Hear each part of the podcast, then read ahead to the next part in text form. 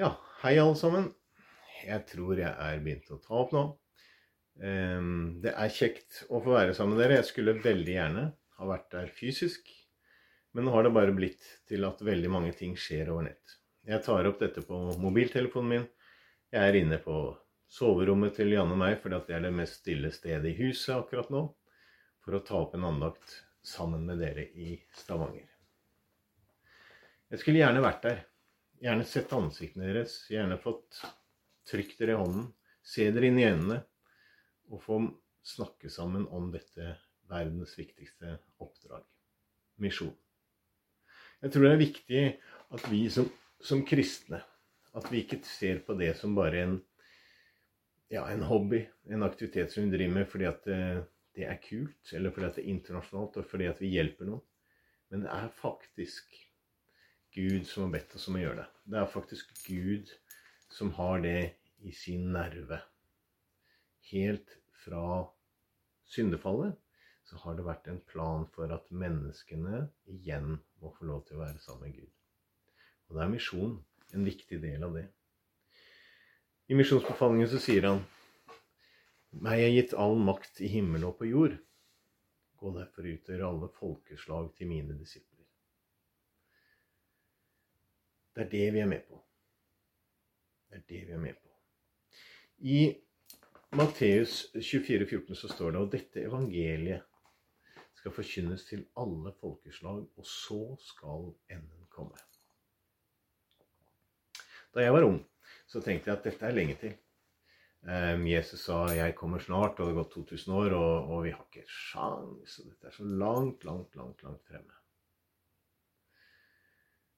Ja, så ser du på Matteus 24, 14. Og dette evangeliet skal forkynnes for alle folkeslag, og så skal enden komme. Hvis du ser på bibeloversettelser, altså Summer Institute of Linguistics, SIL, som driver med bibeloversettelser, Bibelselskapet, de har en viss peiling på hvor langt evangeliet har kommet, eller hvor langt bibeloversettelsen har kommet. De har en visjon om at i 2030 så skal alle viktige språk ha fått deler av Bibelen oversatt til seg. 2030, det er jo overmorgen, sett i historisk perspektiv. I 2030, hvis alle, folke, alle språk vi kjenner, har fått deler av Bibelen oversatt til seg, så er det naturlig å tenke at ok, da er det også vitner som kan være til stede der. Som kan være til stede og fortelle hvem Jesus er. Du og jeg er kalt til å være sånne vitner. Jeg skulle så gjerne latt dere få lov til å dele mitt liv.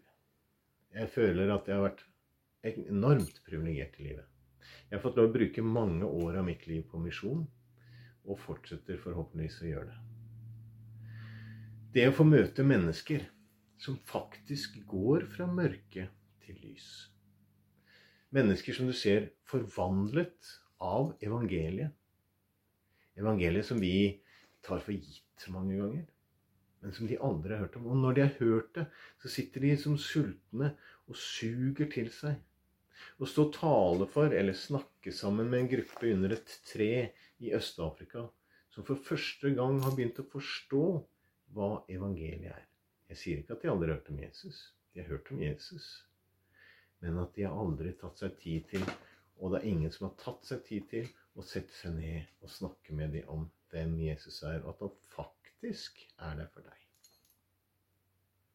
Det er helt enormt å få se f.eks. Mahati, slåsskjempen i Mrito.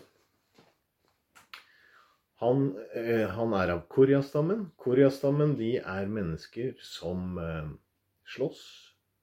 Eh, det er 3% 3,5% av Tanzanias befolkning som er Korea-stammen. Men det er rundt 80% av offiserskorpset i Tanzania er altså Korea. Det sier litt om at, hva de syns holder høyt i livene sine. De oppdras til å tåle smerte. De blir slått. De er fulle av arr på armene fordi at de har slåss med macheter og verger seg da med armen, så får de kutt sånn. Og de er dårlig sydd sammen. Kjempegrove sømmer. Og det er fordi at det er tøft å sy dette sammen selv. Og når de diskuterer og har diskusjoner og uenigheter, så løses det ofte med slåssing. Den sterkeste vinner. Mahati han var en av disse sterkeste. Han vant mange diskusjoner. Han hadde mange arr på armene, og han var jeg så heldig å bli kjent med. Vi kom til en landsby hvor det ikke var noe evangelisk arbeid. Jeg spurte de om det var interessant for dem, for jeg ser at dere har ingen evangelisk arbeid, ingen evangelisk kirke her. Er det interessant for dere at vi begynner? Å ja, ja, ja, ja. Her må dere begynne. Så jeg, tenkte jeg ok, her kommer jeg med landcruiser og er misjonær. Og de tenker kanskje skoler, de tenker sykehus, og de tenker mye annet. Så sier jeg jeg kommer kun med evangeliet. Det er kirke, og det er for å dele evangeliet med dere. Ja, det forstår vi. Ja, er det noen av dere som har en bibel? Nei, det har, har vi ikke. Nei. Så hadde jeg en ekstra bibel med, så sa jeg da kan dere lese i denne bibelen sammen. Begynne med det. Og så starter vi her etter hvert med en kirke. Eh, dette var en onsdag, og jeg spurte når, når er det dere kan tenke dere at det ville passe at jeg kommer igjen da, for å ha et møte. Ja, hvilken dag er det i dag? spurte jeg. Ja, onsdag. Ja, Er det ikke søndager dere pleier å ha møter? Jo, det er søndag. Ja, men da sier vi det. Søndag. Førstkommende? Ja, førstkommende. Blant de som satt der, var Mahati. Han satt relativt reservert, men han var interessert. Han kom på gudstjeneste. Når jeg kom ned da på søndagen med familien min, så hadde de allerede bygd en sivkirke. Jeg ble helt satt ut for at dette her var Det har jeg aldri opplevd før. Den kirken vokste fort. Den vokste opp til 250 medlemmer i løpet av et par års tid. Og Mahati var med helt fra begynnelsen. Slåsskjempen Mahati. Det jeg har fått vite i ettertid Jeg kjenner jo bare Mahati som en drivkraft i kirken. Som en mann som hele tiden har vært der, og som hele tiden har sagt at 'jo, det får vi til'. Eller 'ja, kom igjen, bli med på dette. Dette er viktig'. En som har fortalt om Jesus. Det jeg ikke visste, var at da Mahati faktisk kom da i begynnelsen, så begynte det med veddemål rundt i landsbyen. Hvor lenge kommer Mahati til å vare? Hvor lenge kommer Mahati til å bli i kirken? Det varte og det rakk. Mahati fortsatte i kirken. Og en etter den andre tapte fordi at grensen for hvor lenge de mente han kunne holde, sprakk. Mahati var forandret av evangeliet. Mahati, han som tidligere hadde banket både barn og kone han, Når han gikk forbi et hus på vei hjem på kvelden og hørte noen banket kone, så greip han inn og sa 'Dette kan du ikke holde på med'. Han sa fra til folk som slo barna sine, og han ble helt forandret. Og det er nettopp det, Mahati, som gikk fra mørke til lys. Og alle så det. Alle som kjente Mahati, så det at Mahati har fått møte en levende frelser. Han er blitt totalt forvandlet av det. Og for han så er det så viktig at han lar alt av stolthet fare. Fordi han har funnet dette ene. Og jeg tror det er nøkkelen til at den kirken vokste. Fordi at de så at mennesker var blitt forvandlet av Jesus. Landsbyen ble forvandlet av Jesus. Dette er dere med på. Dere er med på å sende ut utsendinger som er deres forlengede armer rundt i verden. Jesus har bedt oss om å gå, og det skal vi gjøre. Men hvis alle skulle ha gått, så hadde det blitt glade vanvidd og kaos. Og vi trenger faktisk hverandre. Vi trenger at noen går, og vi trenger at mange flere blir igjen og ber og jobber herifra. Vi trenger at mennesker får møte Jesus der ute. Og vi trenger at vi sitter her hjemme og ber for det. Men så er det ikke bare det at det å spre evangeliet skjer der ute. Du og jeg som nå bor i Norge, vi har det samme ansvaret for å dele evangeliet med de vi møter, våre naboer, medstudenter.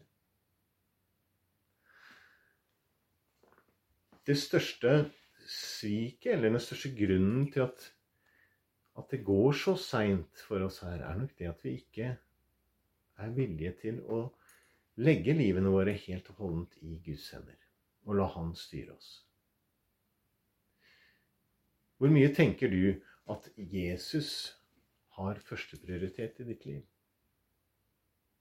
Hvor mye tenker du at jo, siden jeg er glad i Jesus, så bør jeg vel ta og lese litt i Bibelen om dagen, og så, og så får jeg hver dag be litt, og da det, skal det være på stell. Og hvor mange ganger tenker vi at ja, nå har jeg vært på møte i en time. Ja, det er bra. Og så tar jeg den der på søndag, og så har jeg fått to timer, og da er jo det er få som gjør det. Men tenk deg da i en relasjon, hvis jeg skulle hatt det, den relasjonen til Janne at ja, Janne er enormt glad i, og det er jeg virkelig. Eh, og eh, jeg, jeg, vil gjerne bli bedre kjent med henne. Så jeg setter av en time jeg, på lørdag, og så setter jeg av en time på søndag, tenker jeg. Ja, det skal hun jammen få. Da blir det plutselig veldig urimelig. Men la oss la Gud prege oss med å snakke om Han med å dele om Han, og med å leve inn i Hans ord. En annen mann som, det, som jeg tenkte jeg skulle få fortelle dere om, er en som jeg ikke bruker det rette navn på, men som vi kan kalle for Max.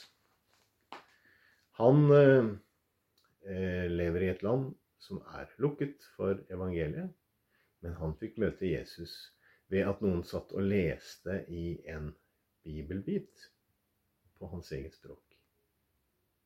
For han så ble det så fantastisk å få oppleve det at Gud faktisk snakket hans språk. Det var det som gjorde at han fant ut at han kunne få møte denne levende Jesus. Han begynte å lete etter Jesus fordi han så at det var bibeloversettelsen på hans eget språk. Det er mange som eh, ble frelst rundt han. Han har bygget opp flere kirker, og til slutt så gikk det så galt at han eh, faktisk ble et problem for staten han eh, lever i. Og han ble etter slutt ettersøkt som terrorist og flyktet. Han skulle utleveres, ble arrestert i nabolandet og skulle utleveres til sitt eget land for å ta imot straffen som terrorist. Men så grep FN inn, og i dag så sitter han i Sverige. Landet han kommer fra, er i ferd med å åpnes litt opp, og det kan hende at han kan få vende tilbake og forbinde og forkynne blant sine egne, som er hans store drøm. Men mens han venter på dette, så sitter han ikke med hendene i fanget og sier at en dag så skal jeg forkynne evangeliet hjemme. Nei, han går rundt i Strømstad med en app, oversettelsesapp, og forkynner blant innvandrere. Det har vokst opp en menighet rundt ham. En levende menighet. Han drømmer om å komme hjem og fortelle sine brødre og søstre om hva som har skjedd med ham, og hvem Jesus er. Men mens han venter på å få komme hjem, så forkjenner han evangeliet. På samme måte det er lett for meg som ser på meg selv som en misjonær, å ha en hvilepause her i Norge og vente til én gang, så skal jeg forkynne evangeliet. Nei, det er nå. Det er nå det gjelder, og det er nå jeg møter mennesker. I hele verden hvor jeg har fått reise rundt og fått møte mennesker som har fått møte Jesus, så blir jeg stille og jeg blir ettertenksom på hvordan jeg selv verdsetter Jesus. Eller i hvor liten grad jeg gjør det. For meg har det kanskje blitt mer en selvfølge enn for mange av disse andre menneskene. Jeg møtte en i Nord-Afrika som fortalte om ubehageligheter, sjikanering på ute når han gikk i gatene fordi at han var en troende. Og at han ble kalt inn til politiavhør hvor de ber han om å frasi seg troen. Så sier jeg, men er ikke dette komplisert? Er ikke dette ille å leve med? Så peker han på Bibelen som lå på bordet mellom oss. Så sier han det er jo egentlig det eneste jeg lovet her i dette livet. Så jeg skulle ikke bli forundret. Og det er så verdt det. Overalt hvor jeg har fått snakket med mennesker som opplever forfølgelse, så tenker jeg hvordan er mitt forhold til Jesus? For de sitter i en dyp, egentlig fortvilet menneskelig situasjon. Og så lyser det av øynene deres, det gnistrer fordi at de har fått møte Jesus. Og de vet at de er frelst.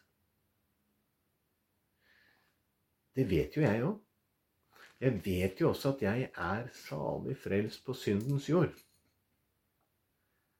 Men det er så sjeldent jeg lar det få prege mitt liv. Dere, gjennom arbeidet her i Salem, så er dere med på et verdensomspennende arbeid. Der mennesker får møte Jesus, og de får være med på at det går fra mørke til lys. Det er hele, rundt om i hele verden. Her i Stavanger, eller i områdene rundt Stavanger hvor dere kommer fra, så er dere sendt ut. Misjonsbefalingen gjaldt for dere også. Men vi skal ikke gå til det skrittet og si det vi trenger ikke å sende misjonærer, for det er så mange rundt oss her. Dette må henge sammen. Vi skal fortsette å sende misjonærer ut til andre folkegrupper og andre land. Helt til Jesus kommer. For han har bedt oss om det. Og vi skal fortsette å dele hva vi har sett og hørt, til naboer og til venner. Helt til Jesus kommer. For han har bedt oss om det. Så er vi så privilegerte at vi får stå i en sammenheng hvor vi får være med på å dele dette rundt i hele verden. I 5. Mosebok 4, vers 7, så står det Hvor finnes det et folk, om aldri så stort, som har en Gud som er sitt folk så nær som Herren vår Gud er oss, hver gang vi kaller på Ham? Hvor finnes det? Det finnes ingen steder. Dere har brødre og søstre i hele verden. Jeg har fått møte de i Latin-Amerika, i Asia, i Afrika og i Europa og i Amerika.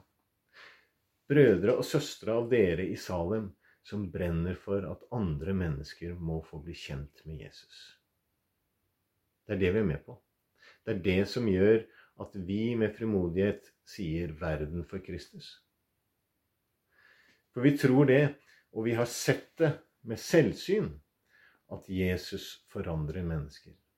Og vi vet at Jesus, som ble født, som vi nettopp har minnes nå i julen, som ble født jul, i julen for å bli menneske, for så å dø på et kors for at Gud igjen skulle kunne være sammen med sin yndede skapning, mennesket. Det er det vi deler. Gjennom Jesus så kan vi bli frelst. Det gjelder deg, og det gjelder meg, og det gjelder hele verden. Og vi får lov til å være med og dele det rundt i hele verden. La oss tenke litt over det, og be litt over det. At Gud må skape i oss et brennende hjerte. Et hjerte for andre mennesker. Et hjerte som er med på å dele evangeliet. Nå er det litt tungt å holde seg våken når man bare ser på en video. Men jeg håper at det dere sitter igjen med, er at vi har hast. For dette evangeliet skal forkynnes til alle folkeslag, og så skal enden komme, står det i Matteus 24, 14. Det evangeliet som vi har snakket om, om Jesus som døde for oss, det er det som driver oss. Og vi vil at alle mennesker skal få en mulighet til å velge. Vi kan ikke tvinge noen til det, men de skal i alle fall ha en mulighet til å velge veien, sannheten og livet.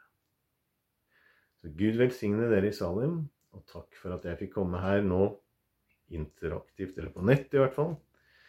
Så håper jeg at jeg kan få møte dere fysisk snart.